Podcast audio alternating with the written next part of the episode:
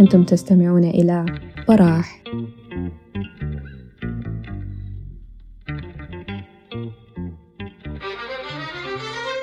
أسعد الله مساءكم مرحبا بكم من جديد على براح آه، تابعونا على حساب براح في الفيسبوك وتويتر استمعوا لجلساتنا السابقة الموجودة على حساب براح في ساوند كلاود ولو عجبتكم الحلقة انشروها بين أصحابكم. ومعارفكم وساعدونا في توسيع مجتمعنا. آه، أنا أنس محمد البشر في البداية أنا برحب بك دكتور صدقي كبلو و حبدأ برضو آه، بالسيرة الذاتية دكتور صدقي كبلو أستاذ مشارك بجامعة الأحفاد. باحث اقتصادي سابق بالمجلس القومي للبحوث. ناشط في مجال الحقوق. كان رئيسا للمنظمة السودانية لحقوق الإنسان. وعضو اللجنة المركزية وعضو المكتب السياسي للحزب الشيوعي السوداني. تخرج من جامعة الخرطوم كلية الاقتصاد ونال الماجستير من جامعة الخرطوم والدكتوراه من جامعة ليدز بالمملكة المتحدة ونال دبلوم الدراسات العليا في القانون من جامعة مدينة برمنغهام. آه عنده مقالات منشورة في المجلات العلمية وفي الصحف السياسية والدوريات دوريات المجلس القومي للبحوث. آه نشر كتبا منها مذكرات معتقل سياسي. من يقود الرأسمالية السودانية؟ موسم الهجرة لليمين اقتصاديات الدولة والثورة المهدية حول النخبة والطبقة والجهوية والإثنية ونظرية الثورة السودانية. آه كل المطبوعات دي بالإضافة لآخر عملين اقتصاد الأزمة وأزمة الاقتصاد بالإضافة لمقالات في الاقتصاد والسياسة الاقتصادية آه بتلقوها في دار عز للنشر آه أنا حابي أبدأ بمقدمة إنه الحديث عن دور الدولة في الإدارة الاقتصادية هو حديث لطالما كنت بتتحدث عنه بشكل كبير في كتاباتك وفي مقالك المعنون بقضية دور الدولة في الإدارة الاقتصادية في كتابك مقالات في الاقتصاد والسياسة الاقتصادية. أشرت لمسألة الدور اللي بتلعب الدولة بوصف جزء من القضايا التأسيسية للدولة المدنية الديمقراطية. كبديل لجهاز الدولة. بوصفه صنيعة استعمارية. وأنا هنا عايز أشير لمسألة الدولة التنموية واللي بتعني بحسب تعريف الاقتصادي سانديكا ميكاندويري إن الدولة التنموية بتمتاز بسمتين أساسيتين.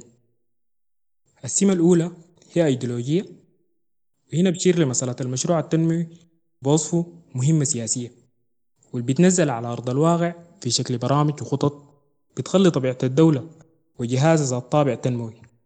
وشغلهم الشاغل هو تحقيق تحول اقتصادي وتنمية اقتصادية وتحول صناعي. والشكل ده من الدولة بتستمد الشرعية بتاعتها من مقدرتها على إحداث تنمية متوازنة ومستدامة معبرة عن كل المجموعات السكانية. وهنا النخبة السياسية لازم يحصل عندها هيمنة أيديولوجية بالمعنى الذكره أنطوني جرامشي. والركيزة الثانية هي متعلقة بهياكل المؤسسات ومقدرات الأفراد في المؤسسات العامة على القيام بتنفيذ الخطط والمشاريع التنموية. وهنا دكتور صدقي عنده كتابات مهمة في مسألة بناء المؤسسات والدولة التنموية. من المصطلحات اللي قاعد يشير لها في, واحدة من مقالاته هي مسألة الارتكوليشن للدولة. واللي ما لقيت لها أي مقابل باللغة العربية. فيا ريت يا دكتور تبدأ أول شيء تورينا قاصد شنو ب articulation وبرضه نبدأ في المحور الأول. آه ليه سؤال التنمية ده فشلنا فيه؟ آه ال articulation دي احسن ترجمة لها ترجمة محمد إبراهيم نقد للمفصلة. يعني وين ال... هي علاقة بين أسلوب إنتاج مهيمن وأسلوب إنتاج تابع. آه وهي رغم إنه وجودها في كتابات ماركس يفهم ضمنيا لكن في الحقيقة الناس اللي ساهموا في إثراء المسألة دي. آه مجموعة من الفرنسيين وواحد آه بريطاني. و أكثر حاجة لاحظوها في دراستهم في أفريقيا. وبعدين بعد ما درسوها في أفريقيا رجعوا شافوا هل في أوروبا حصلت حاجة زي دي ولا ما حصلت. يعني الإقطاع ده لما حصلت الثورة الصناعية ولا الثورة البرجوازية ما انتهى طوالي. ظلت الرأسمالية تنمو والعلاقات الإقطاعية موجودة في بعض الحتات وتمت تصفيتها. لكن في النهاية واحدة من سبل الارتكوليشن الموجودة في بعض البلدان لغاية حسا النظام الملكي مثلا. النظام الملكي ده عنده علاقة بالإقطاع لكن مستمر في بعض البلدان الرأسمالية والمتطورة جدا. مجلس اللوردات اللي هو مجلس غير منتخب. الرأسمالية في ثورة البرجوازية طوالي آه النضال كان من أجل آه مجالس تشريعية منتخبة. فده نوع من المفصلة مع العلاقات القديمة آه بيستمر. المفصلة دي لأنها بتحصل في الواقع ما بتحصل بين أساليب الإنتاج بس. يعني أسلوب الإنتاج الشيء الأساسي فيه هو علاقات الإنتاج والقوى المنتجة. كويس؟ يعني القوى المنتجة دي الناس الآليات كده. لكن علاقات الإنتاج دي هل عمل مأجور؟ آه أقنان شراكة زي كانت موجودة في الجزيرة شنو نوع العلاقة؟ لكن التشكيلة الاقتصادية الاجتماعية كمفهوم ما هي اسلوب إنتاج صافي ما في اسلوب إنتاج صافي. يعني حتى لما يتهم من الرأسمالية بيكون اسلوب إنتاج غالب.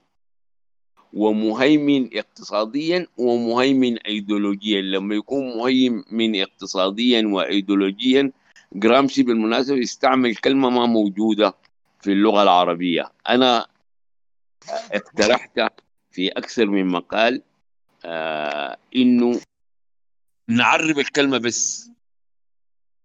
الكلمة آه نستعملها بمفهوم الإنجليزي. يعني هي الكلمة هيجوموني فأنا استعملت كلمة هجمنة. الهجمنة هي مش السيطرة بس مش الهيمنة بس. الهجمنة هي سيطرة وخلق نوع من القبول بإبداء بعض التنازلات لمصالح الفئات المحكومة أو الفقيرة في المجتمعات. وبيكون معاها جانب فكري. فالجانب الفكري والأيديولوجي عشان كده الخواجة اللي اتكلم عنه مقدم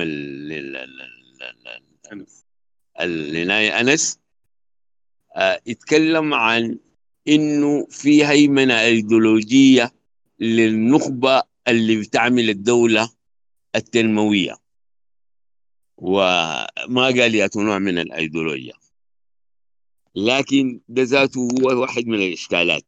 على كل نخليه الآن ما نتكلم عنه. نحاول نجاوب على السؤال. أنا السؤال ده جبت عليه في ورقة اتنشرت في الكتاب اللي حرره حيدر إبراهيم عن آه خمسين عام بعد الاستقلال. آه جاوبت على ليه نحن ما حققنا التنمية. و النقطة بسيطة جدا إنه نحن حافظنا على بالمناسبة نفس المشكلة اللي بنعمل فيها. حافظنا على النظام الاقتصادي الاستعماري. غيرنا الأشكال الأخرى. وده تناقض. لأنه لازم يكون في انسجام بين النظام الاقتصادي وشكل الدولة.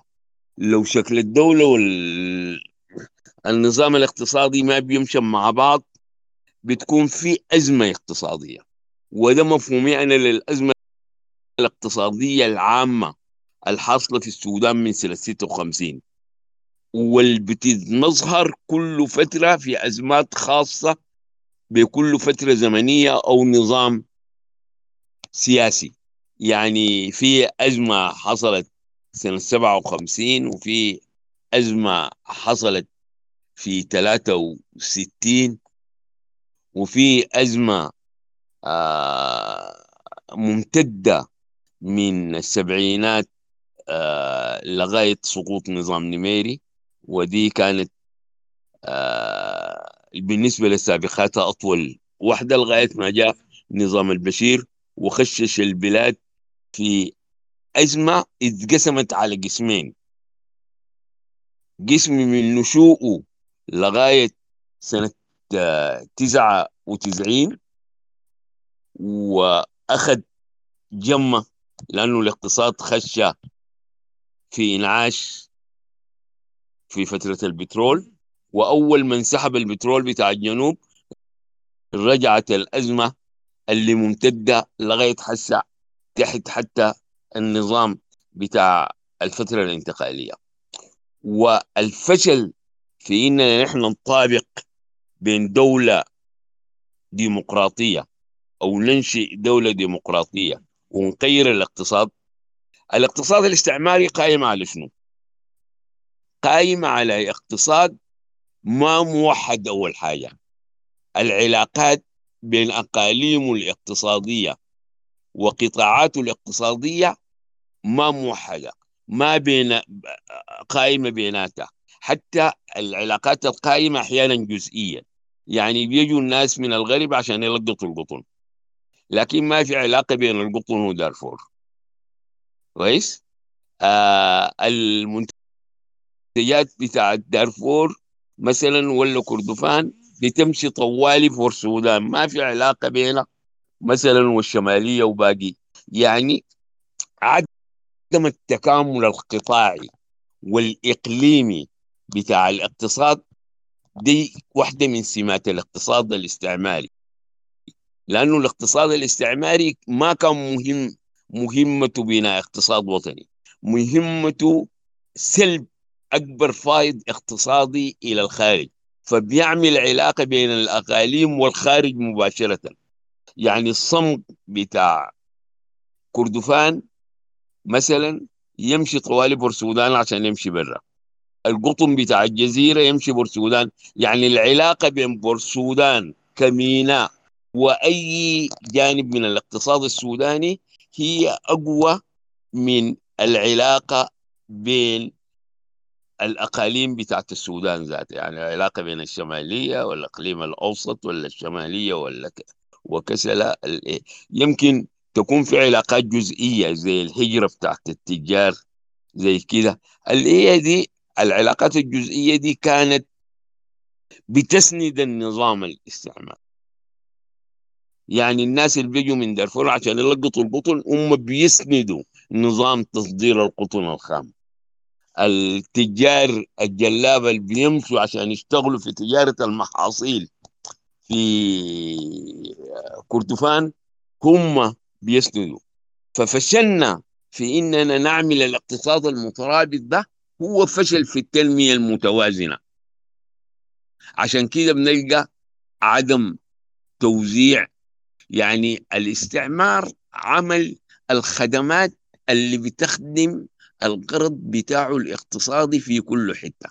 يعني هو محتاج لتعليم في الخرطوم وجزء من الشمالية وعطبرة وكده وهناي عمل التعليم ده. ما محتاج له في دارفور لأنه عايز ناس دارفور يظلوا عمال لقيط بتاع قطن وينتجوا الحبوب الزيتية والماشية وكده وإلى آخر المسائل وناس كردفان يقعدوا يطوقوا الصمغ عشان كده تلقى التوزيع بتاع التعليم. هو و توزيع التعليم معه حتى توزيع الخدمات الصحية. يعني أي واحدة من المناطق الكبيرة دي كان فيها مستشفى واحد كبير بيخدم المنطقة كلها لأنه الناس ذاتهم بالطبيعة بتاعت عدم التعليم و و و هم بيلجوا لأساليب أخرى لصيانة صحتهم. التنمية اللي كان مفترض تحصل آه بعد الاستقلال الجوهر بتاعها إنك تغير النظام الاقتصادي. حقيقة الحصل هو حصل جروث بإنه النظام الاستعماري امتد. يعني مثلا بدل الجزيرة عملنا الجزيرة والمناقل زدنا مش كده. حتى فيما بعد لغاية عهد نميري أي مشروع يقوم لازم يكون القطن جزء من مكونه ولا الحبوب الزيتية. آه، بعد 56 انتشر زراعة الفول والحبوب الزيتية في نطاق واسع. قامت الزراعة الآلية اللي أساسا لما قامت آه كان القرض منها مد الجيوش في الأربعينات بالغذاء. والحبوب الزيتية استمرت في نفس الحكاية تنتج الذرة والفول وكذا. وده عمل تغييرات لكن خلى الهيكل بتاع الاقتصاد والتكوين بتاعه هو نفس التكوين. وبالتالي بدون الدولة القابضة اللي بتستعمل العنف بشكل مطلق كان إدارة النوع من من النوع ده من الاقتصاد صعب جدا وبيعاني من أزواج. وده السبب لأنه بتلجأ البرجوازية الصغيرة والبرجوازية السودانية لاستعمال الجيش لأنه عندهم حلم لإعادة العنف المطلق بتاع الدولة الاستعمارية بيفتكروا إنه ده بحل مشاكل البلد. الضبط والربط حيحل مشاكل. وأي حكومة بدت بالحكاية دي بالضبط والربط وبالعقوبات الرادعة. وبكده وبكده وبعد شوية يحصل لها آه استيعاب في النظام بدل ما هي تستوعب آه النظام. فالتنمية ما حدثت آه للسبب ده. لكن السبب الرئيسي إنه الدولة ورثها منه الناس اللي ورثوها. هم الناس اللي كانوا مستفيدين اقتصاديا من النظام الاستعماري القديم. آه وديل مكونين من زي ثلاثة فئات. الأرستقراطية الدينية والقبلية اللي هم رجال يعني الطائفية ورجال الإدارة الأهلية من ناحية. التجار لأنه ما كانت الرأسمالية السودانية تعني التجارة. وقت ذاك ما حصلت لا رأسمالية زراعية واضحة لا رأسمالية صناعية واضحة. والمثلث الثالث بتاع الحلف ده الأفندية وضباط الجيش. يعني البيروقراطية الكبيرة في جهاز الدولة وفي القوات المسلحة. الثلاثة أضلاع ديل لو نلاحظ إنهم في حكم مدني يكون حاكم الجزء المدني بتاعهم. في حكم عسكري يكون حاكم الضلع العسكري بتاعهم. لكن المصالح هي نفس. المصالح والنظام هو آه نفس النظام. والانتقال من مدني إلى عسكري كان بيحكموا آه حاجتهم لاستعمال مزيد من العنف آه لقهر الناس وهكذا. أتمنى إنه أكون جاوبت على السؤال يعني لكنه لا الإجابة كافية جدا. الواحد ممكن يتكلم فيه لغاية الصباح فأديت رؤوس المواضيع عشان الناس تتناقش. آه داير انتقل لل... للجزء الثاني عنده علاقة ب... بمسألة إدارة الدولة للشأن الاقتصادي وال... والتحول لاقتصاد صناعي رأسمالي حديث. زي ما قاعد تشير طوالي والناس قاعد تقول إنه الدكتور صدقي الحاجة دي منافية ل... ل... للل literature بتاعت الماركسية وال... والاشتراكية. الناس عايزة تفهم يعني النقطة دي لأنه دائما في ال... في الميديا بيتم الإشارة لها على أساس إنه والله يا أخي دي حاجة غريبة مع إنها دي حاجة عادية يعني. هل الحاجة دي بتنفصل من ال... من التحول الاشتراكي أو النظام الماركي أو النظام الاشتراكي أيوة. كده yeah. ولين ولين إحنا ذاته محتاجين ل... شكل من أشكال التحول الصناعي؟ آه طيب. انت تعرف في آه فهم عجيب انه الاقتصاد آه ممكن يعرف بلغة غير لغة الاقتصاد والاقتصاد السياسي. يعني انت لما تتكلم عن اقتصاد لازم تتكلم عن علاقات الانتاج الموجودة في الاقتصاد السائدة. أو القائده والسودان من بعد دخلوا الإنجليز لغاية حسا. علاقة الإنتاج السائدة والقائده هي علاقات الإنتاج الراسمالي والإصلاح الاقتصادي في الفترة الانتقالية حيظل تحت علاقات الإنتاج الراسماليه لأنه الانتقال للاشتراكيه دي قضية أخرى تحتاج لظروف مختلفة لثورة مختلفة. وأنا أذكر طلب مني أضع خطوط عامة للخطة الخمسية للانتقال على أيام التجمع الوطني الديمقراطي. فقلت كلام شبيه وقلت أما الاشتراكية فذلك زمان سيأتي وسنخوض نضاله. فمصطفى فمنصور خالد كان بيضحك. يقول لي يا أخي أنتوا حتقضوا حياتكم دي كلها بتناضلوا؟ ف مش ده فهم ميكانيكي بتاع فترة بعد فترة. الشيء الثاني اللي إحنا بنتكلم عن ثورة وطنية ديمقراطية. برضه هنا في فهم ميكانيكي. بيفتكروا إنه لسه الثورة الوطنية الديمقراطية دي ما بدت وإنه ما بتبتدي إلا تجي بالسلطه وفقا لكلامنا نحن عن التحالف الوطني الديمقراطي. الثورة الوطنية الديمقراطية دي بادية في النضال ضد الاستعمار. طبيعتها الوطنية هي النضال ضد الاستعمار. الاستعمار التقليدي والحديث وأهم حاجة فيه هو الاستعمار التبعية الاقتصادية. وإنه نحن في دي بنحقق مكاسب وبنتراجع. يعني من 56 اتحققت مكاسب كثيرة للشعب السوداني يعني التعليم المجاني والصحة المجانية كمثال مثلا والتطور اللي حصل في سكة حديد ووصول لغاية الجنوب ووصول لغاية الغرب ووصول لغاية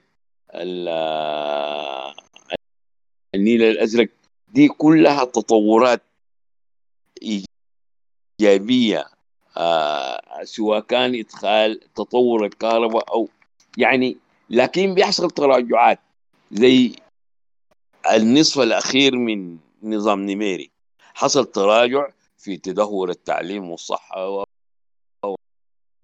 وكده وتدهور الخدمات العامة وتدهور الإنتاج ذاته. بما في ذلك الإنتاج في الزراعة المروية جاء نظام الإنغاز أو ديكتاتورية البشير الإسلامية آه وحصل تراجع ضخم جدا عما حققناه من مكاسب للثورة. الفترة الانتقالية دي ممكن تحقق مكاسب للشعب السوداني هي ذات طابع وطني ديمقراطي تعزز استقلاله الاقتصادي وفي نفس الوقت تعزز الديمقراطية ونهوض الدولة المدنية الديمقراطية دي وفي الفترة الانتقالية وبعدين نخوض المعركة من أجل إنه نعمل سلطة وطنية ديمقراطية ونحقق مكاسب أكثر ثم ستطرح علينا الاشتراكية قضاياها واللي هي مختلفة جدا. يعني نحن حس لا ندعو للملكية العامة لكل وسائل الإنتاج في السودان. بندعو لبناء قطاع دولة وقطاع الدولة في بعض المجالات يكون قائد وفي مجمل الاقتصاد يكون قائد. وده اختلاف. لكن على قطاع الدولة ذاته بيشتغل بعلاقات الإنتاج الرأسمالية. يعني القطاع بتاع الدولة ده ما ممكن يكون قطاع دولة اشتراكي في نصب اقتصاد آه رأسي مالي حيعمل تطور وهكذا في رأيك يا دكتور النقله للنظام لعمليه التحديث الصناعي دي بتتم كيف؟ طيب النقلة لعمليه التحديث الصناعي دي يجب أن تتم من خلال التخطيط. خطة قومية. يكون في دور محدد للقطاع العام يقوم بصناعة للقطاع الخاص يقوم بصناعة للقطاع الأجنبي تدعوه لصناعة للشراكة بين القطاعات دي كلها وكل اثنين براهو لكن وفقا لخطة مش لفوضى. والخطة دي آه عايزة تعمل ترابط. ترابط أول حاجة بين قطاعات الاقتصاد السوداني بحيث إنه الصمغ العربي ما يمشي بورسودان طوالي. لازم يحصل له نوع من التصنيع. الفول السوداني ما يمشي بورسودان طوالي. لا القطن لازم يحصل له تصنيع. البترول ما يمشي خام الذهب لازم يصفى. يعني كمية من الارتباطات اللي إحنا بنسميها ال vertical relation سواء كان لتطور لفوق ولا الرجوع إلى جذور. يعني forward integration and backward integration. كويس؟ آه وده لازم يكون فيه تكامل. أيضا إقليمي. عشان كده ال horizontal integration بتاع الاقتصاد لازم يتم. ده بيتم بتحديث الزراعة ورفع الإنتاجية بتاعتها.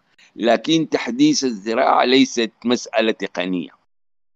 يعني ممكن تجيب التقانه دي تدخلها وكده لكن بدون علاقة إنتاج. بدون ما يكون المزارع والعامل الزراعي مستفيد من التطور الزراعي ده الزراعة ما بتتطور. وجزء من التطور الزراعي إنه المنتجات بتاعتنا عشان تجيب أسعار أكثر وتكون مجزية للمزارع وترفع من مستوى معيشته لازم تكون حاصل لها حتى ولو التصنيع الاولي وأنا مثلا قاعد أضرب مثال بالحبوب الزيتية بضرب بالفول مثلا. إنه الفول ده بدل ما يصدر فول خام ممكن يصدر زيت ممكن يصدر فول حاجات يعني محمس كده. وممكن يصد يصدر فول حاجات مطحون. كويس؟ يعني أنا قلت لمجموعة من الأصدقاء إنه العلبة الصغيرة دي بتاعت الفول المطحون في السوق في بريطانيا ب 135 قرش ولا 145 قرش وواحد فيهم امبارح حسبها بالسوداني قال زي 700 جنيه سوداني. يعني لاحظ إنه أنت بترفع القيمة. انت لو صدرتها بنص القيمة دي لما تضرب في الطن اللي بيصدر ويجيب لك أكثر من الطن كثير جدا. ال...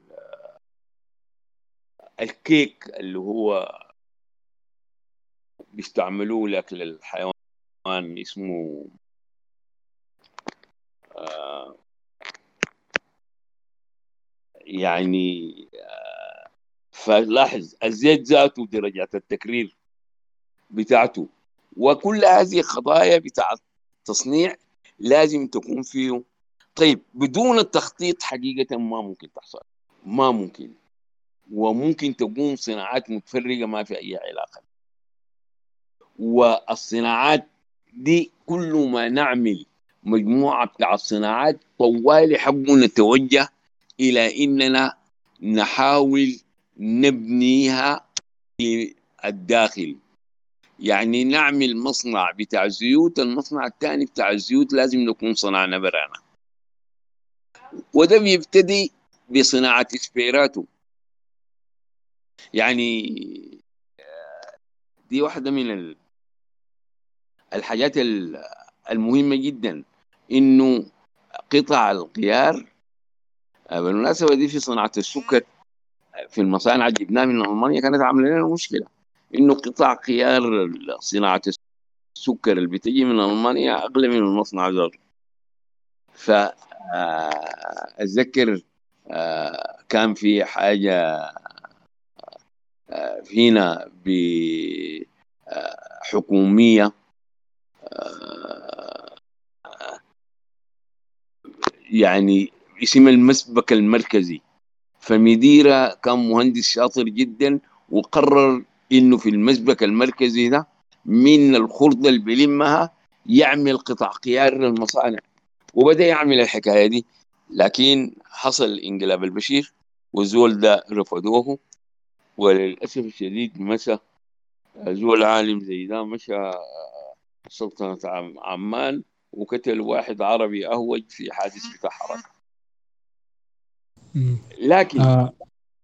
الفكرة هي دي. أيوة. تفضل. أنا أنا بس دار أشير لإنه آه، عملية التحول الصناعي وال- والاعتماد على الصناعات التحويلية ده حيسوقنا للمحور الثاني. المتعلق بالإصلاحات القطاعية اللي هي مثلا نبدأها بالامداد بتاع الطاقة كجزء أساسي من من من القطاع الصناعي يعني.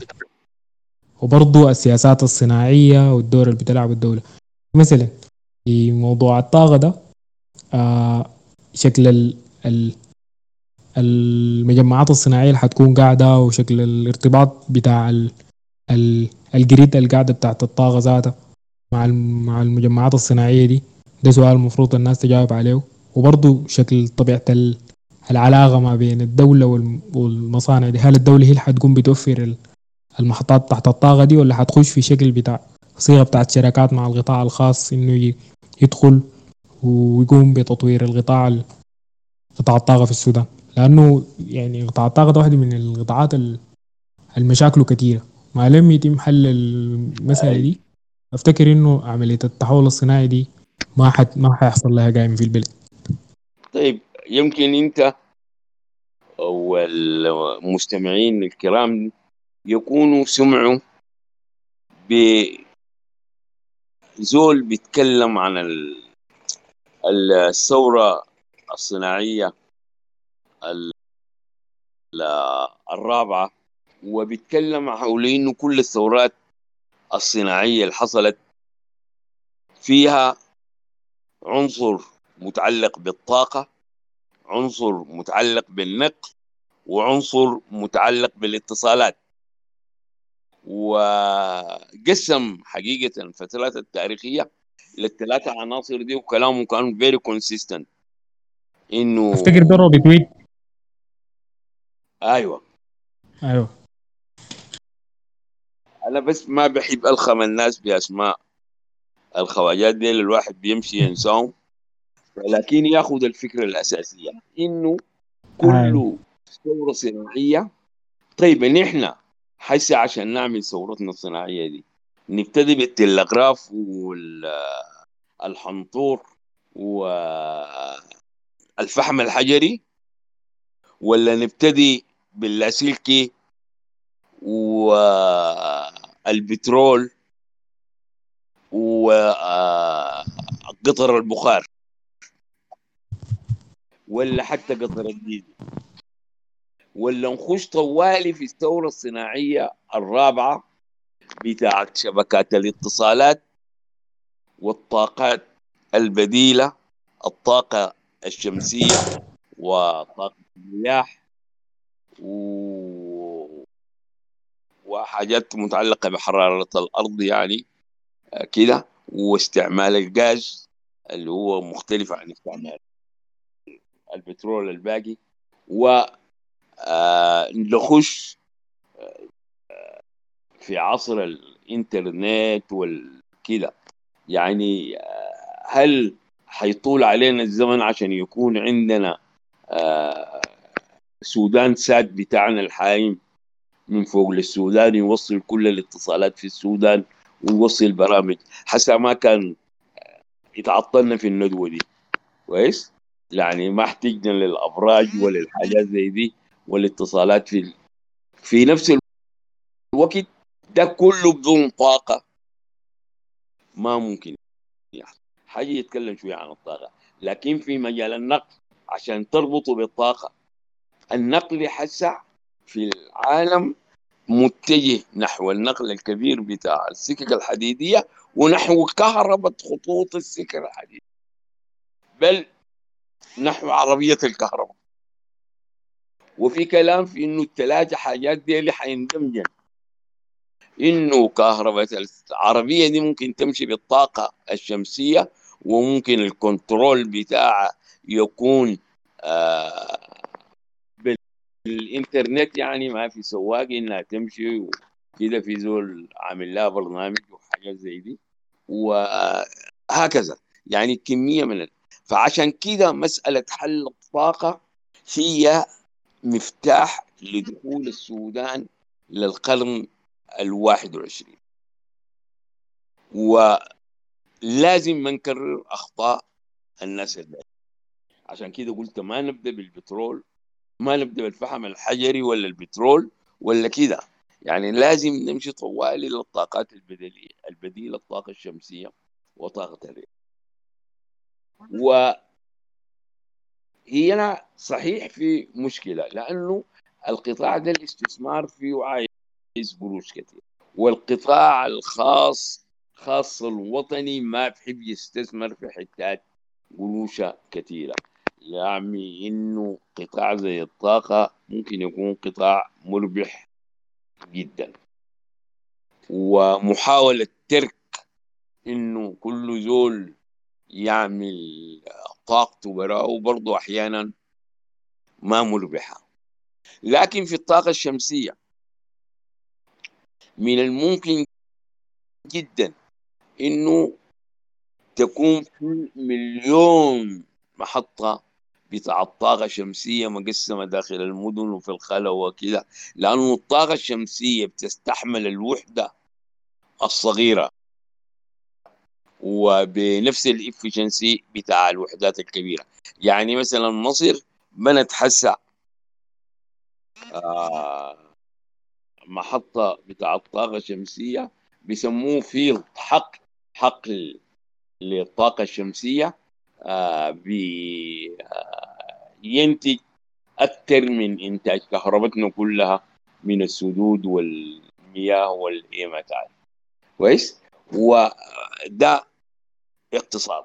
لكن من الممكن جدا أنت تبدأ بشكل صغير بإنك مثلا تبتدي بإنارة الطرق بالطاقة الشمسية تسيير آه الحركة بالطاقة الشمسية تشغيل المدارس في الطاقة الشمسية المكاتب الحكومية تطلع شوية شوية لغاية ما توصل حتى البيوت السكنية. كويس؟ وفي دي أنت بتدي أسبقية للطاقة الثانية الأكثر قوة في الوقت الحاضر للصناعة للنقل مثلا لو عملت خط بتاع قطارات. المهم إنه نحن بدينا أبحاث الطاقة الشمسية مبكرا بفضل البروفيسور أحمد عبد الرحمن العاقب وعندنا لجنة للطاقة الشمسية في المركز كانت في المجلس القومي للبحوث هسه صار عليه. فصلوها وعملوا لها محطة أبحاث في سوبا إلى آخر المسألة. وعندها مصنع صغير بتنتج كده.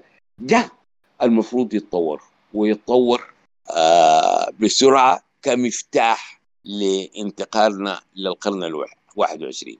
يعني الأهداف التنموية اللي حددتها الأمم المتحدة للقرن الواحد وعشرين لغاية سنة 30 على العين والله. لكن الأهداف اللي بتدخلنا نحن القرن الواحد وعشرين هي الكهرباء الاتصال والمواصلات الرخيصة وحديثة اللي هي بانتشار شبكات السكة حديد الكهربائية كمان مش ال... ده يتشاف زي الحلم. لكن أي تنمية في العالم دي بدت بحلم. حتى ما عملوا الإنجليز في السودان. معلش أتم النقطة دي مهمة جدا. إنه الإنجليز جاء اللورد كرومر وقف في القصر الجمهوري الحسع موجود ده. كويس؟ كان قصر الحاكم العام. وخاطب الأعيان وقدم حلم. رؤية قال أنا أريد لخط السكة حديد أن يمتد لبرسودان حتى يكون للس... للبحر الأحمر ما قال بورسودان لسه على الوقت ده بورسودان ما عملوها. للبحر الأحمر حتى يكون للسودان ميناء المستقل ويتحرر من الذهاب آه إلى العالم عبر مصر. وقال إنه هو عايز الخط ده ينبل عبر الأنهار يمشي الغرب عشان يجيب الصمغ العربي. كويس؟ وبيحلم بإنه يتعمل خزان ولا خزانين؟ لحظة نحن نحن عملنا خزانة والحاجة وعملنا الخزان الثاني على النيل الأزرق عشان يسقي المنطقة الكبيرة اللي اسمها الجزيرة ويزرع فيها للسودان. لاحظ إنه ده حلم لما مضى 25 سنة من خطابه ده؟ كان الحلم تحقق أنا في حاجة دار أشير لها برضه يا دكتور في مسألة الطاقة. آه الليلة في ش... في شكل في الشكل الحالي لمساله توزيع الطاقة والإمداد الكهربائي. بيجينا سؤال العدالة العدالة الاجتماعية. الليلة لو لاحظنا لشكل الجريد وطوله بتلقاه متوزع في المدن أو لو قلنا الشبكة القومية.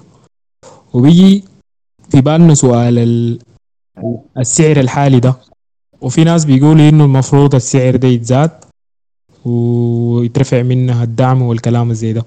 لأي مدى الحاجة دي ممكن تكون لأي مدى الحاجة دي ممكن تكون مهمة؟ أو هي هل هي بتقدر تحل لنا إشكال؟ يعني إعادة صياغة العلاقة مع في المسألة تحت الطاقة دي وإمداد الناس البعيدين في الهامش في في في الغرة الناية البعيدة ولا في صيغ تانية الناس ممكن تشتغل عليها؟ غير إن الناس تتوجه طوالي لعملية زيادة أسعار. توصيل. هي طبعا آه زيادة أسعار الكهرباء ده عشان تغطية لزيادة أسعار قاعدين نعملها بإيدنا.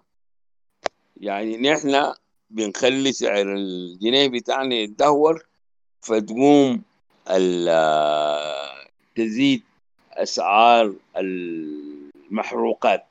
اللي هي جزء مهم في الطاقة. لكن كده نسأل بعض بعضنا. وين المكون الكهربائي الجاي من التوليد المائي؟ وبيمثل كم؟ وتكلفته كم؟ وهل المسألة عندها علاقة بسوء تنظيم القطاع ده؟ والحاجات اللي عملها فيه أسامة عبد الله إنه قسموا لشركات شركة التوليد وشركة التوزيع وشركة الإيه ما تعرف. ودول كلهم عندهم مجالس إدارات ومدراء ومحاسبين مختلفين وبيصرفوا على حسابنا نحن. يعني إنه تقليل تكلفة الطاقة وتوزيعها حتى في الوقت الحاضر ممكن. كويس؟ فيعني في إشكالية. لكن في عدالة التوزيع ما هي عدالة التوزيع ده؟ شاملة كل حاجة. يعني هي بقت على الكهرباء إنه ما في في الريف ما التعليم ما واصل كل الريف والصحة ما واصل كل الريف. نقوم نرفع أسعار التعليم في الحتات الوصيلة عشان نوصلها للحتات الثانية أنا أفتكر إنه دي حجة ما صحيحة. وبعدين ما شايفة إمكانيات الطاقة. أنا حضرت برنامج الحقيقة كنت آه، في تلفزيون كنت أود إن إنه أكون ضمن المناقشين. آه، هو عبارة عن ورشة ولا سمينار قدموه ناس الطاقة. فرحانين جدا بخطتهم إنه لما يزيدوا إنتاجية البترول في الحقول الحالية وفي حقل الواوات عايزين يستعملوا الغاز اللي بيتحرك حسا. وبعدين بيحاول يقول إنه استعمال الغاز اللي بيتحرك حسا ده أحسن من إنك تعمل مخازن تعمل آه، الطاقة الشمسية وأنا أفتكر إنه ده كلام فيه كثير من المشاكل العلمية. وما بفكر في البيئة وما بفكر في المستقبل. بيفكر تحت رجلينه عنده غاز بدل ما يحرقه عايز يحوله لطاقة. كويس؟ لكن برضو الطاقة دي بالغاز رغم إنه هي أقل آه، أثر على البيئة من حرق المواد البترولية الأخرى لكن برضو عندها أثر على البيئة وفي رفع الحرارة. ليه نحن بنكرر تجارب الناس الباقيين؟ ونحن عندنا طاقة رخيصة. صحيح الاستثمار الأولي فيها كان مرتفع لكن كل يوم قاعد ينزل. كل يوم الاستثمار في الطاقة الشمسية قاعد آه ينخفض قاعد ينزل. وده مستقبل البلد ده مستقبل البلد عشان ما يكون التوزيع العادل في خلل. أنا بفتكر. يعني نحن أنا حاسه قاعد في الظلام بتكلم معاكم والنت بتاعي ما شغال لأنه بيعتمد على الكهرباء آه والنت بتاع زين ذاته بتاع التليفون لأنه بيعتمد على الكهرباء في الفبرج وكل الحاجات زي دي. لكن أنا لو كنت صاحب قرار بدي الأفضلية دائما للمناطق الصناعية وللمناطق المناطق لأنه دي العائد بتاعها ممكن يصلح الكهرباء. والعائد ده مش إنه بيجي في يد الحكومة يعني. يعني هو في جزء منه بيجي في يد الحكومة. كل ما الإنتاج زاد كل ما الضرائب اللي بتجي للحكومة أكثر كل ما دخلها أكثر كل ما سمح لها بإنه يكون عندها قروش عشان تصلح. لكن في السودان في خلل إنه الإنتاج هو اخر القائمه و وما في تفكير لحل المسألة دي. يعني أنا حاسة مثلا الفكرة اللي قلتها عليك دي أنا شفتها في زالنجي في زالنجي المدينة القاعدة في حافة الجبل ده اليوناميد نورت كل شوارع زالنجي بالطاقة الشمسية. كويس؟ حتى لما كانت الكهرباء تقطع نحن عيننا للمدينة منورة نحن قاعدين في سجن. كهربتنا قاطعة لكن الشوارع وكده مضيئة لأنها شغالة بالطاقة الشمسية. ولاحظ إنه ده بيوفر قدر شنو؟ في حتة ضخمة زي الخرطوم. والحاجات دي صغيره يعني الناس اللي بيبيعوا الحاجات بتاعت الطاقة الشمسية في في الخرطوم دي الواحد ممكن ياخذ مقاولة عشان يركب لك الحكاية الشركات الصينية ممكن تاخذ مقاولة. المدارس المراكز الصحية مباني الحكومة مدرجات الجامعة الايه ده كله من الممكن. بالمناسبة التخزين بتاع الطاقة الشمسية عن طريق البطاريات في خلال العشر سنين الفات تطور بما يوازي ألف المية. والبلدان الما فيها شمس. يعني في بريطانيا عرض علي إنه يدوني قرض عشان أعمل طاقة شمسية لبيتنا. وهم بيشتروا مني الفايض. بعدين اكتشفوا إنه أنا عجوز ما حاعيش لغاية ما أسدد القرض فقاموا سحبوا سحبوا القرض. لكن لاحظ الدرجة دي إنه ناس عندهم شمس امبوتنت بيحاولوا يمشوا نحو الطاقه الشمسية.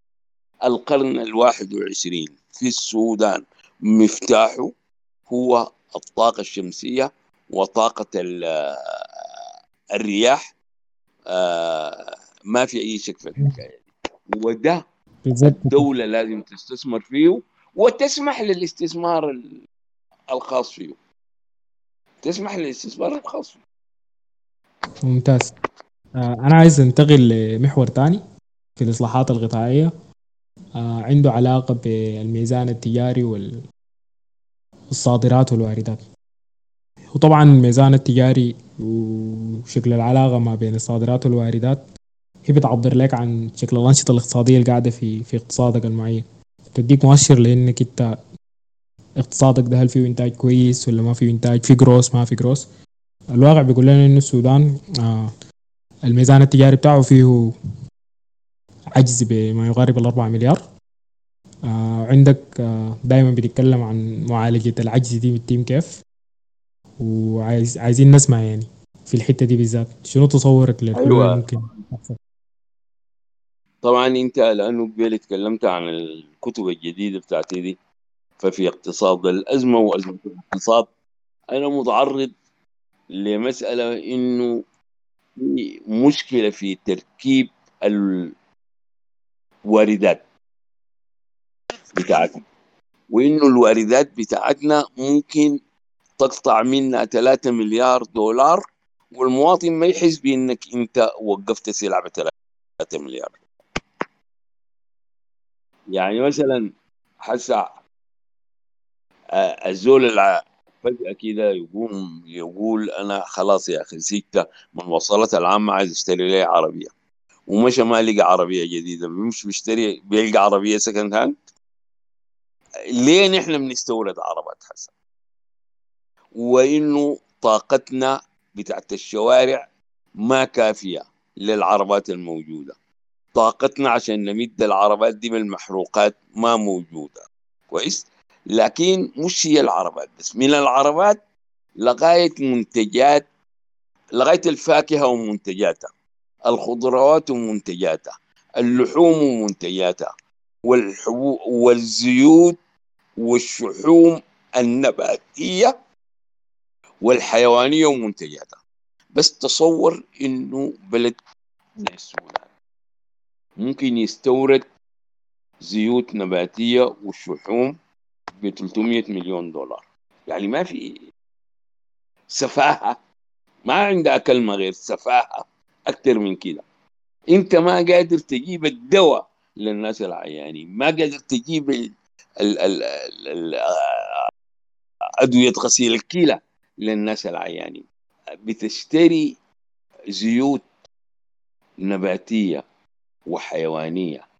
كويس؟ ب 300 مليون دولار وانت المنتج ال- المهم جدا للحبوب الزيتية فول وسمسم وعباد آه، شمس. مش كده؟ وزمان لما عندنا القطن حسا على القطن المحور ده يلعن خاش وما عارفين إنه آه، بذرته ممكن تتعصر ولا لا. زمان كنا بنعصر حتى بذرة القطن وبنطلع منه زيت كويس جدا.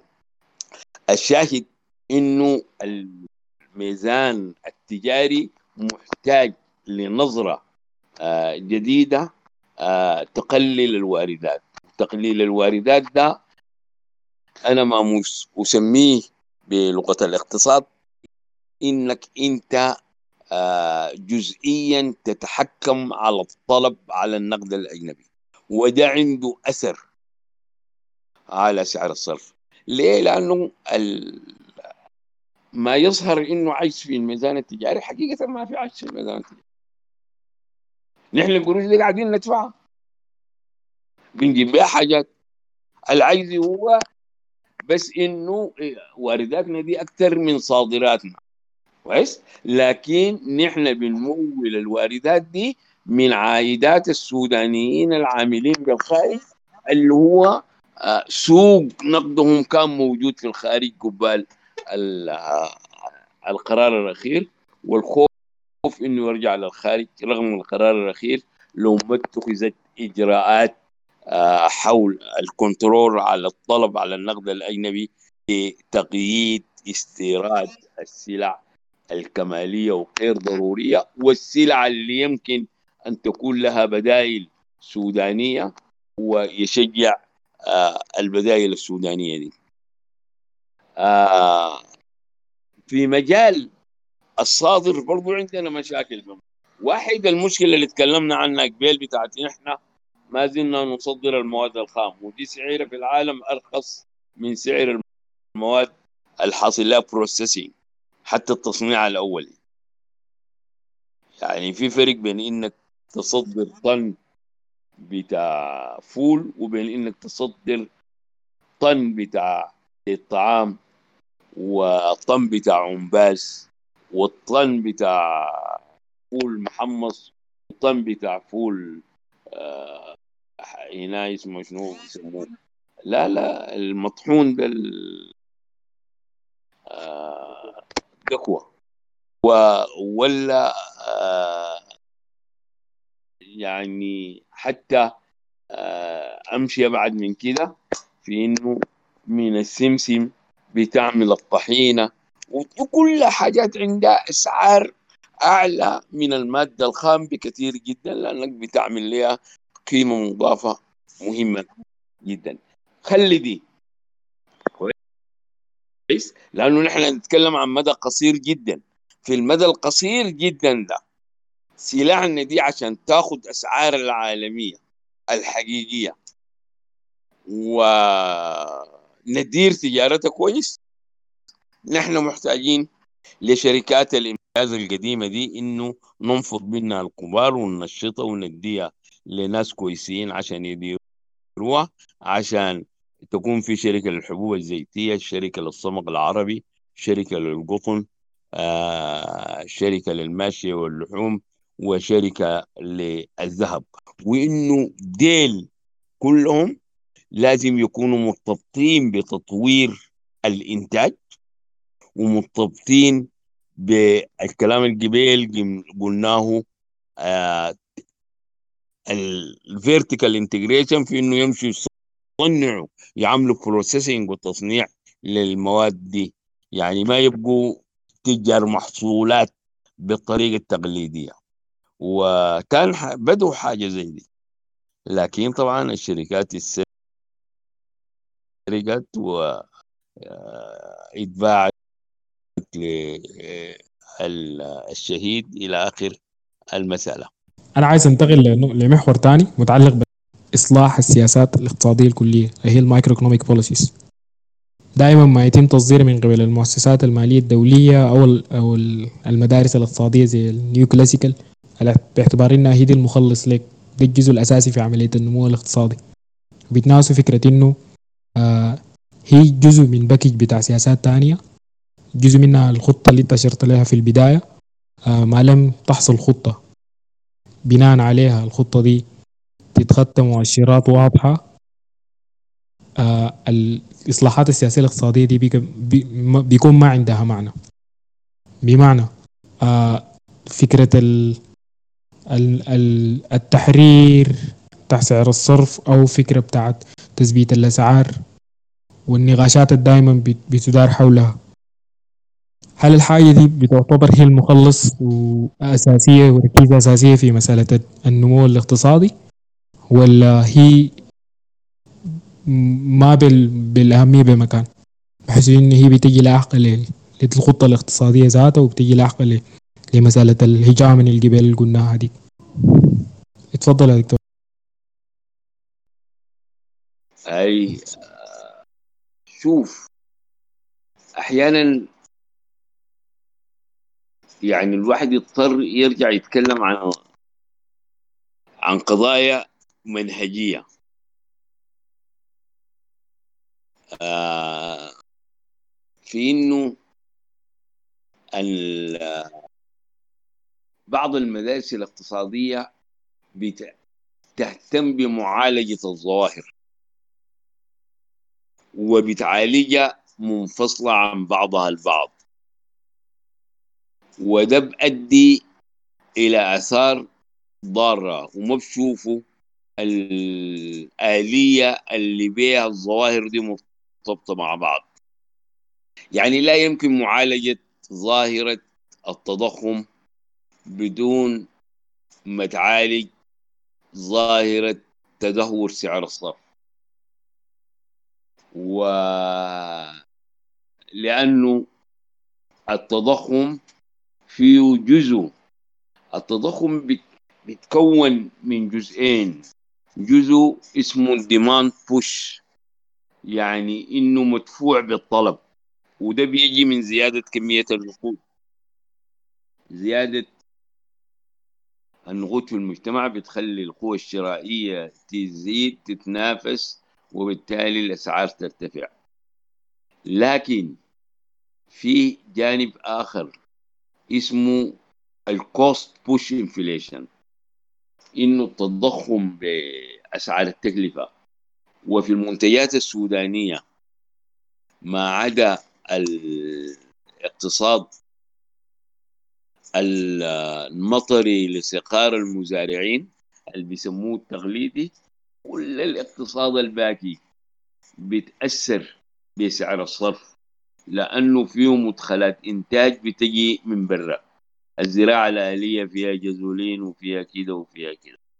الزراعة المروية فيها كيماويات وفيها سماد وفيها جزولين وفيها خيش الصناعة في آه، مواد بتجي من الخارج. آه، وهكذا. ففي مشاكل زي دي آه، في المدارس اللي بتفكر بشكل جزئي. لكن هي ما مسألة متعلقة بأنهم هم غلطانين أكاديميا واستغل بينظروا النظرة الجزئية. المسألة عندها موقف اجتماعي.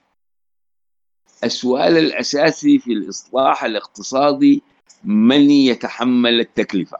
هل يتحمل مجمل الشعب من الفقراء أم يتحمل الأغنياء والرأسمالية الطفيلية اللي سببت الأزمة دي؟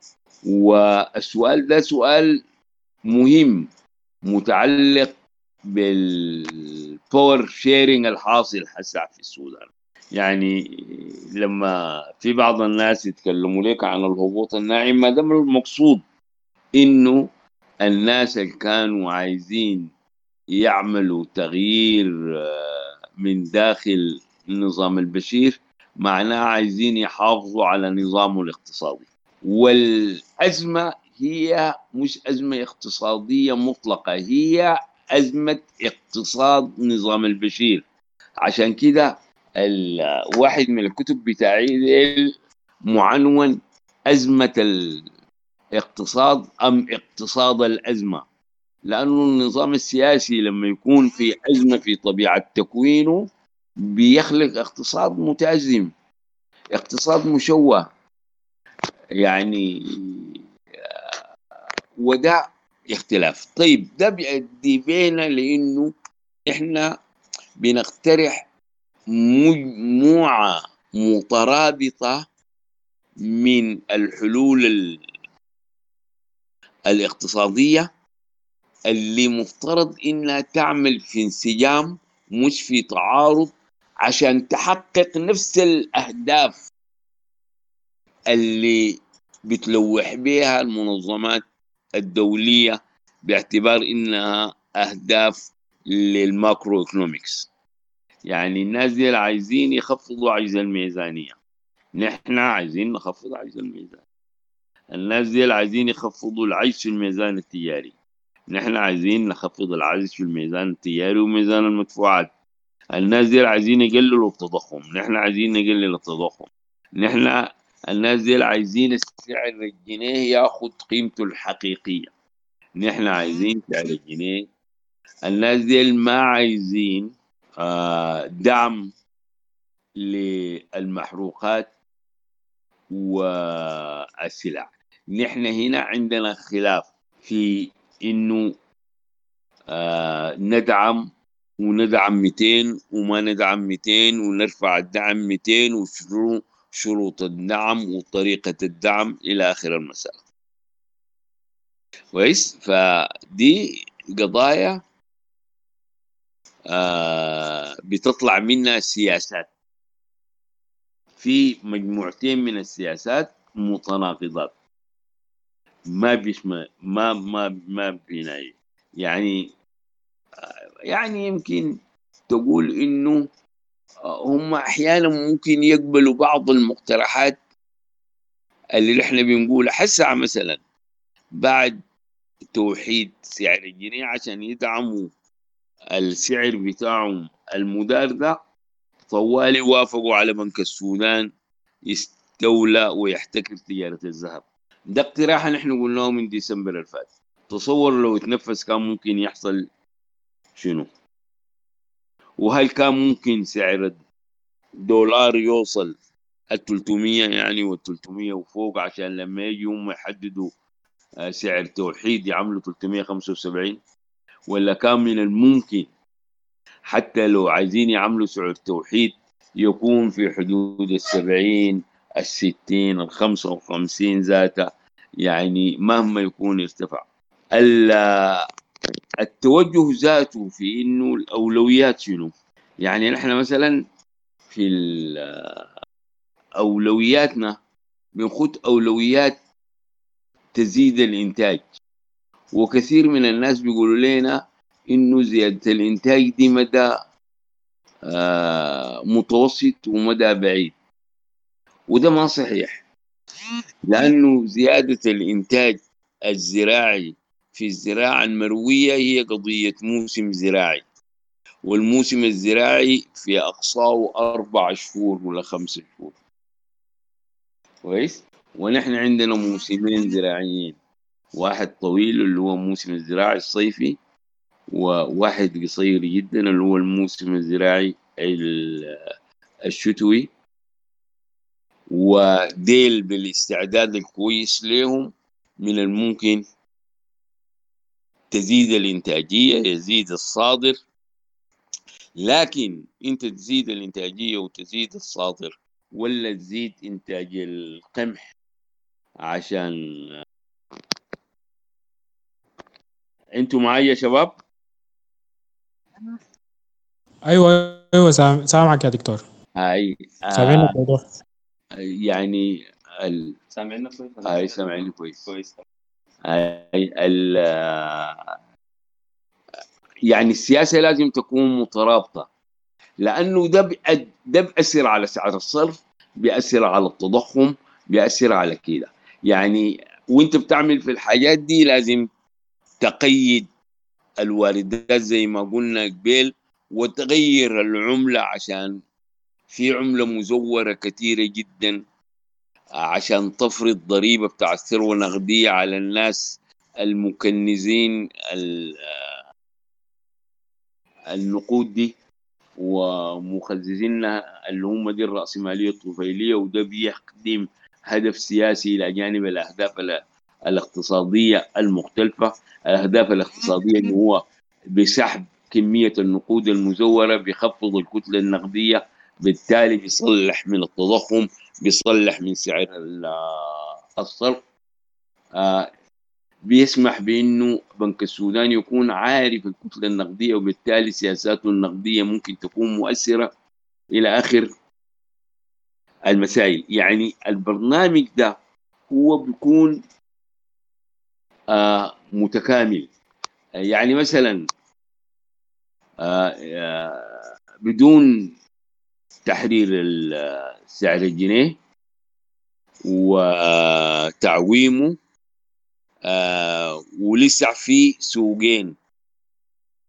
الناس كانوا يجيبوا قروش من وين؟ يعني أنا مثلا شخصيا كان اقتراحي إنه الحكومة دي تمشي السوق الموازي تشتري النقد الأجنبي. لكن ما تشتري النقد الأجنبي عشان تدفعه للاستهلاك. تشتري النقد الأجنبي عشان تدفعه للإنتاج. يعني نحن مثلا محتاجين لنا ل 300 مليون دولار عشان نزيد إنتاج النفط بتاعنا آه، في الآبار القديمة. ل 70 ألف برميل ومحتاجين لنا ل 500 ألف آه، مليون 500 مليون دولار عشان حقل الراوات الجديد ده يشتغل بطاقته الكاملة ويوصل هو ذاته ل ألف ويكون عندنا زي 120 ألف. وده كله لو بيتم ممكن يتم خلال سنة.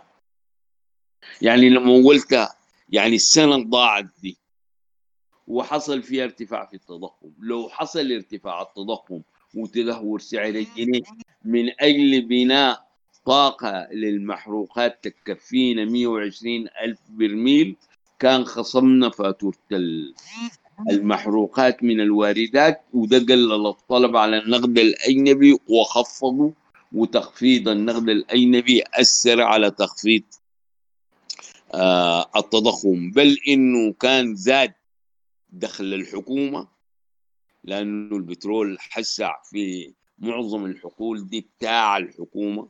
يعني الشراكة بينه وبين الشركات الأجنبية موجودة في حقل ولا حقلين.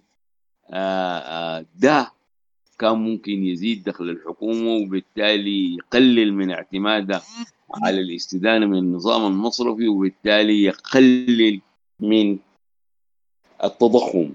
شوف السياسات لما تكون متشابكة. الناس دي اللي فترة من الفترات كل ما نقول لهم حاجة يقولوا لنا يا أخي ده متوسط المدى وده طويل المدى وكلام آه، فارغ زي ده. وكنا بنقول لهم شنو متوسط المدى في إنك أنت تحضر للموسم الزراعي؟ ولا ترفع إنتاجية البترول خلال سنة؟ سنة دي لسه مدى قصير كويس؟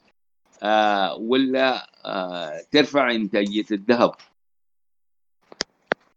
آه بانك تدي آه ارياب اللي هي شركة حكومية تديها 200 مليون دولار عشان تنتج 150 طن بتاع ذهب من كرتة موجودة في البحر الأحمر نتيجة لشن... لنشاط الشركة بتاعت الرياب دي لما كانت شراكة بين الحكومة السودانية والفرنسية والسعودية. كويس؟ يعني كل الإمكانيات لزيادة الإنتاج لتحسين الوضع كانوا بيشوفوها بعيدة. ليه؟ لأنه هم منتظرين المؤسسات الدولية وصندوق النقد الدولي و تخفيض ديون السودان وإلغاء ديون السودان وأحلام بتاعت زلوط في ظروف الوضع العالمي الحالي. آه نحن عايزين ديوننا تتلغي يعني مش ضد الحكاية دي. لكن هل نوصل شعبنا لحافة المجاعة ولا نفاوض من مواقع السيادة الوطنية؟ وده بقودني لحاجة أنت بتكون راقد عشان تسألني منها. لكن أحسن في الحتة دي أجيب سيرتها. اللي هي التفاوض مع المؤسسات النقدية الدولية دي. اللي أنتم تكونوا تذكروا انه الكلام اللي بنقوله حكاية التفاوض من مواقع السيادة الوطنية ده شعار. لكن حقيقة في حتات تانية حصل كده. يعني حصل انه البلدان دي قررت انها آه تستفيد من شنو؟ من المؤسسات الدولية وتخلي شنو؟ تستجيب لشنو ودي مناقشات بتكون حادة وطويلة وفيها كده كويس ومن حقنا إننا نناقش المناقشة دي لأننا إحنا أعضاء ولو نحن عملنا دبلوماسية كويسة ما ممكن حسا بالمناسبة الغرب كله متوحد حول موقف واحد مننا. ما بذلنا اي مجهود.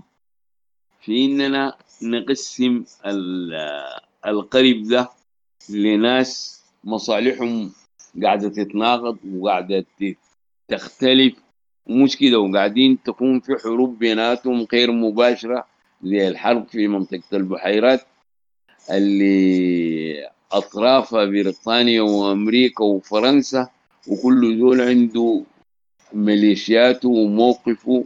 الناس اللي بيعيدوه سواء كان في الكونغو ولا في آه الصراع في أفريقيا الوسطى بين الأمريكان والروس. والصراع العالمي الواضح لنا بين الصين وأمريكا وبين الروس وأمريكا ويمكن حسب بعد شوية بين البرازيل وأمريكا إلى آخر المسائل آه ف نحن أعضاء في هذه المؤسسات الدولية وعايزين نستفيد منها. الفائدة القصوى ونبذل مجهود في إننا نضع برنامجنا نحن مش نضع برنامج لإرضاهم.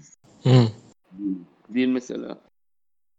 آه يا دكتور كويس إنك أنت نقلتنا للمحور الرابع بتاع المؤسسات الدولية دي.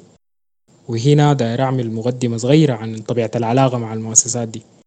واللي هو الحديث عن المؤسسات الدولية اللي هي مؤسسات بريتون وودز. آه ما بيتم إلا في إطار آه الصياغة الدول العالم الثالث والدول النامية دول الجنوب. وبرضه في سياق آه الأزمة اللي حصلت في ما بعد يعني حركات التحرر في الستينات وال والأزمة بتاعت البترول واللي هي كانت جزء كبير من الحكومات الوطنية آه، بتمر بضغوطات داخلية بتاعت آه، إنه في ناس آه، قاعدة جوا وفاتحة خشومة دايرة دايرة أكل ودايرة خبز وكده. ففي حكومات لأنه الحاجة راجعة لغياب المشروع الوطني في الفترة دي الناس اضطرت إنها تمشي للمؤسسات دي.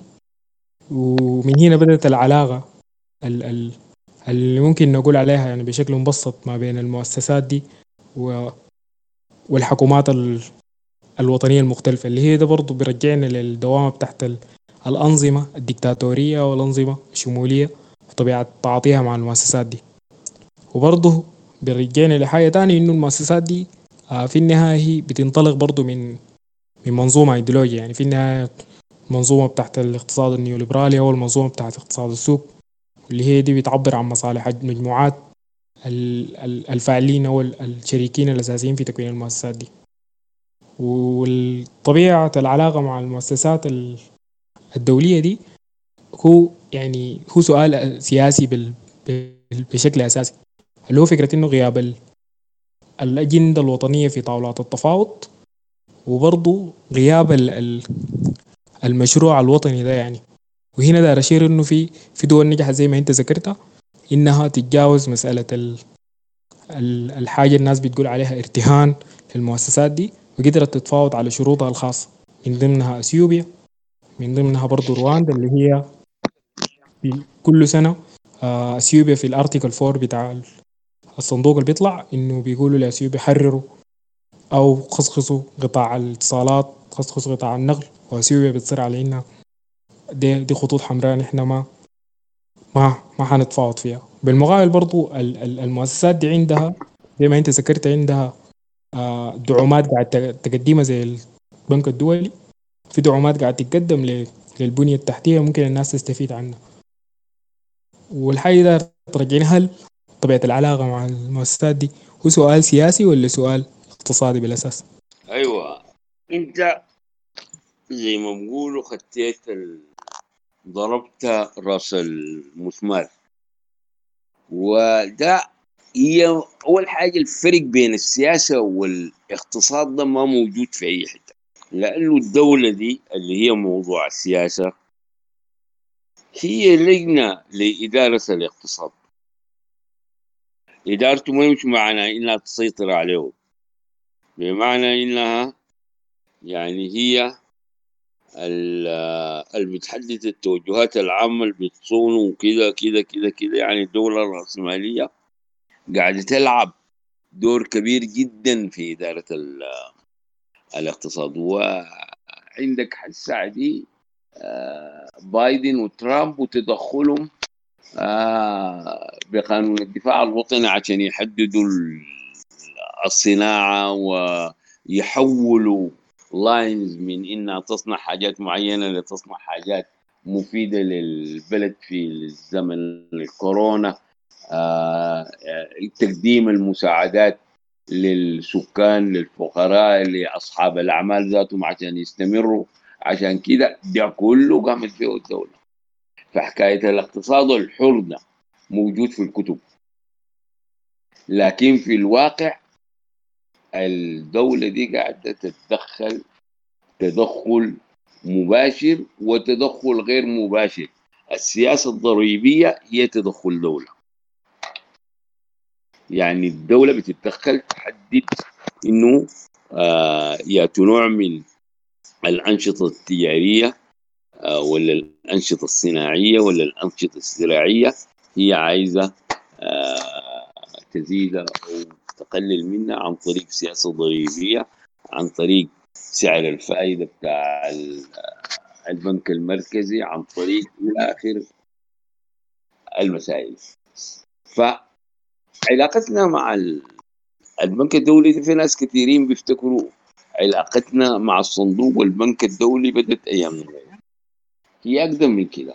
هي جات بعد قبول عبود للمعونة الأمريكية جاء البنك الدولي. الوقت ذاك ما عندنا مشاكل عشان يجينا صندوق النقد الدولي. صندوق النقد الدولي بيجي لما يكون في عجوزات ضخمة في الميزان التجاري وميزان المدفوعات. وخلل كبير في ال macroeconomics لكن جاء البنك الدولي وقدم مساعدات. لكن عمل تشوهات. يعني البنك الدولي هو صاحب الفكرة بتاعت إنه تنتقل نظام الجزيرة ده من الشراكة لنظام أجرة المياه والأرض اللي هو عمل خلل كبير جدا وإنه آه الرهد يتبني على أساس كده ما يتبني على نظام الجزيرة. آه إنه تدخل في سكة حديد عن طريق قروضه آه بهدف تخفيض العمالة وبإنه لما لقى اعتراضات من ناس معينين كان بيعمل فيتو. يعني المهندس هاشم محمد أحمد اتشال من إدارة السكة حديد في عهد الصادق المهدي لأنه في خلاف بينه وبين البنك الدولي. يعني أصر إنه هم ديل حيجيبوا مهندسين قالوا شغلوا السكة حديد.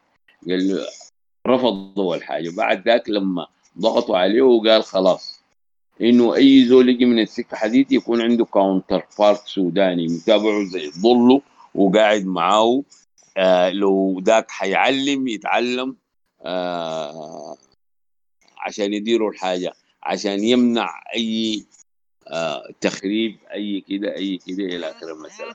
فكان النتيجة إنه قالوا للصادق المهدي لو عايز قروشنا الزول ده ما دايرينه.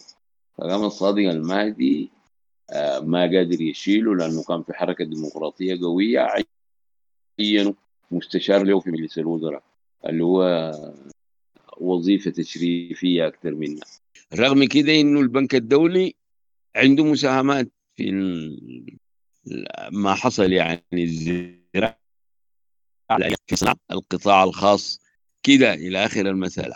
بل إنه تجاربه في بلدان أخرى اللي وقفت مواقف صلدة زي فيتنام ساهم في البنية التحتية في التعليم في كده في كده في كده في كده.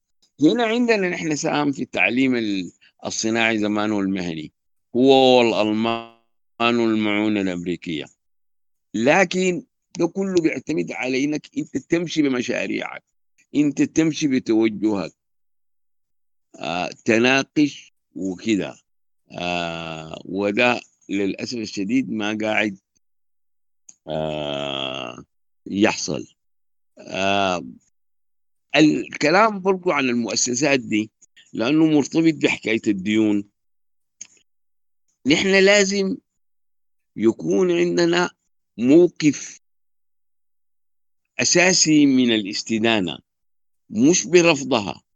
إنه نحن لما نستدين نكون عارفين إن إحنا بنتدين عشان نعمل شنو. و آه اللي بنعمله ده حيجيب عائد قدر شنو. والعائد ده ممكن يدفع. يعني مشروع الجزيرة ده نحن أخذنا ثلاثة قروض تحت الحكومة الإنجليزية. آه سددناها لغاية سنة 63 كلها. ليه؟ لأنه عملناها في مشروع إنتاجي والمشروع الإنتاجي ده جاب قطن والقطن صدرناه وجاب قروش بالنقد الأجنبي دفعنا منه ديوننا وعملنا حاجات تانية كمان مش الديون بس. ف يعني للسبب ده آه نحن عايزين البرنامج الوطني. عشان كده قبل بقول لك التخطيط مهم جدا. يكون عندنا خطة فيها برنامج للقطاع العام وللقطاع الخاص وللقطاع الأجنبي منو محتاجينه وين؟ عشان يعمل شنو؟ وإنه آه في تعاملنا ده نحن آه بنحسب المسألة صحيح أها يا جماعة. سامعني؟ سامعينك هاي افتكر إنه دي دي طيب. يعني عندك محور تاني ولا أقوم أمشي بيتنا؟ دي دي دي تقريبا كل المحاور الليلة نظرا لأنه التعقيدات التقنية اللي حصلت فأفتكر إنه نوقف لغاية هنا وشاكرين ومقدرين لزمنك. برضو داير أقترح عليك إنه في أسئلة وفي مداخلات مفروض يعني بعد النقاش ما ينتهي إنها الناس تبدأ تطرح عليك أسئلة.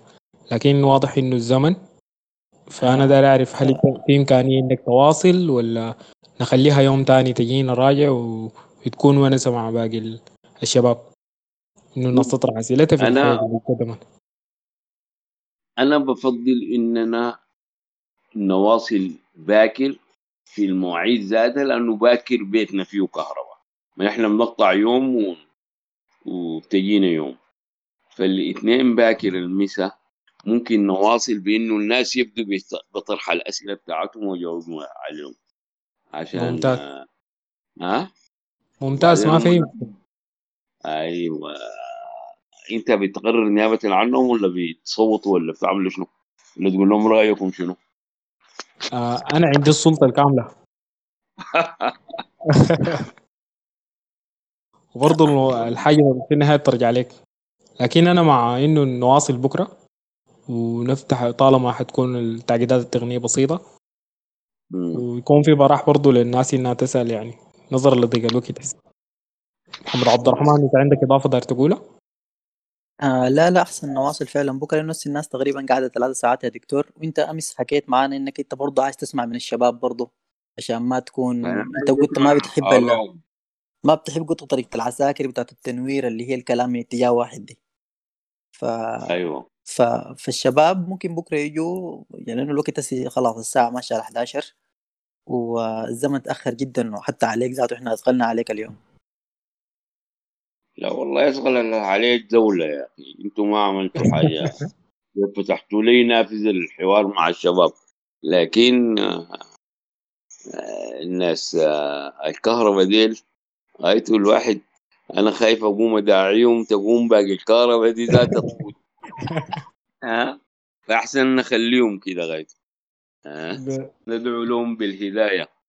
الشباب متفاعلين جدا وعندهم أسئلة كثيرة بتشغلهم. يعني بتتراوح بين إنها أسئلة استيضاحيه وبين إنها آه، بتطلب مزيد من المعلومات وبين إنها جزء منها هي ناقده لآرائك ذاتها. فافتكر لو بقى في أيوة. خيار بتاع جلسة ساعه ساعة ونص أو أو ساعة وشوية والناس قدرت تجي تطرح أسئلة. ده بيكون حوار مثمر يعني لأنه أيوة. باكر أنا ما عندي مانع باكر حتى تكون أكثر من كده لو الناس عندهم أسئلة كثيره آه يعني لأنه بعد الساعة 8 دي أنا بلزم بيتنا فممكن هنا ما دام في كهرباء آه النت بتاعي بيكون شغال فممكن الصوت يكون هو نفس الصوت الساعة ده في النهاية. يكون متواصل طوالي. ممتاز. هاي. داير برضو تغز السانحة دي و- وأعمل لك دعاية كويسة للكتب اللي طلعتها الأخيرة دي. آه الكتابين ديل يا شباب الكتاب بتاع اقتصاد الأزمة وأزمة الاقتصاد ومقالات في الاقتصاد والسياسة الاقتصادية بتلقوهم في دار عزة للنشر. آه الكتاب الأول بتاع اقتصاد الأزمة وأزمة الاقتصاد ده أنا قريته وده واحد من الكتب التأسيسية المهمة في الاقتصاد السوداني أنا أفتكر لأنه آه بيتكلم عن فشل الأنظمة المتعاقبة منذ الاستغلال في حل قضية التنمية والأسئلة بتاعت ال- التنمية غير المتوازنة وأسئلة تانية متعلقة برضو بال- بجزء من المحاور اللي إحنا سردناها وفيها فيها تصور متماسك برضو لمسألة ال- الصيغة بتاعت الدولة دي ذاتها وجهاز الدولة. فمهم الناس تجيب الكتابين ديل وتتحصل عليهم. ال- الدار عزة للنشر دي بتلقوها في آه تقريبا شارع الجامعة. آه قصاد وصارت وزارة الصحة. قص- يا. قصاد وزارة الصحة. بالضبط. مهم جدا جامعة عثمان دقنة. هاي شارع عثمان دقنا دي دعاية مجانية يا دكتور. هي آه، ممكن تجي على أساس يوم تساهر معي فخلاص عرفنا البيت يا دكتور طبعا. خلاص يعني. وبعدين برضو يا شباب الدكتور في واحد من كتاب من كتاباته المهمة الكتاب اللي بيتكلم فيه عن ال... عن بيوت الأشباح. جبال كان في آه، دكتور غسان تقريبا في تويتر كان صار يعني كاتب عنه عن, عن الكتاب ده. وافتكر ده برضه من الكتب المهمة في في مجالات حقوق الإنسان. وامبارح في الونس الدكتور آه، أنا ما قادر أوصف لكم إنه يعني ال- الزول ده موسوعة لدرجة بعيدة. آه، فأحسن الناس تاخذ وتدي معاه في في قضايا تحت الفلسفة القضايا اللي عندها علاقة بال بالبناء الوطني والتاريخ بتاع ال... بتاع الحقب المختلفة للنخب السياسية والتفاعلات وكده. فالناس ممكن تطلع منه ب... بحوار شيق جدا. آه، أنا هخلي عبد الرحمن يواصل بعدين. يا دكتور انت برضو مرة وعدتنا انك تجينا يوم تحكي لنا عن عن لأنه انت عندك تجربة طويلة في العمل العام والفترة دي العمل العام بقى الناس بتنفر منه وتفر منه فرار ال- ال- الفرار من الأسد يعني لأنه بقى صعب جدا وتتعرض لحملات اغتيال وتشويق و- وما في زول بيفهمك وما في زول بيسمعك انت بتعمل في شنو بيردموك زي ما بنقول نحن ف... فلو جيتنا. وحكيت لنا عن لانك انت عندك تجربة متنوعة بين إنك كنت طالب بين إنك آه، بقيت معيد في الجامعة بين إنك اشتغلت في مراكز البحوث بتاعت الدولة وفي فترة كنت بتعادي فيها الدولة وخشيت السجون وبعد ذاك آه، مريت بال... بال... بالتجارب السيئة بتاعت بيوت الأشباح ومريت بتجربة التغريب والنفي. ف... فدي تجربة شيقه جدا. يا ريت يوم أنا تونسنا بها عليك. أنا ما أنا ما خشيت بيوت الأشباح تصور. أنا هو- اعتقالاتي لما بيوت الأشباح اتلغت لأنه أنا كنت برا. أنا حصروني برا لكن حتى حكاية برا دي فيها قصص. لكن ممكن يعني مع إنه الكلام عن ال- الذات شوية معقد لكن نقل التجربة مهم. يا ممكن يا أنت ممكن تعمل ممكن. ممكن تجي تتكلم لنا ب... ب... بال third person ال ال third person دي بيسموها شنو؟ ال- الطرف الثالث كأنه زول ثاني يعني تحدث عن شخص ثالث يعني. أيوه. لكن ف... لما ف... كلام هناي عن كتاب مذكرات السجن أنا افتكر إنه في كتاب صغيروني كده؟ خاصة في المسألة بتاعت أزمة السلام الحسه دي والأزمة بتاعت الحكم والحياة زي دي. كأن مناقشة بيني وبين ناس في سودانيز أونلاين وسودان فور أول والحاجة زي دي. اسمه حول النخبة والإثنية أفتكر. صغيروني جدا ما أعرف حسا هو نور الهدى تبيعه بكم يعني واتنشر قبال عشر سنين. ده أنا والله للشباب بكون عايز أسمع رأيهم فوق.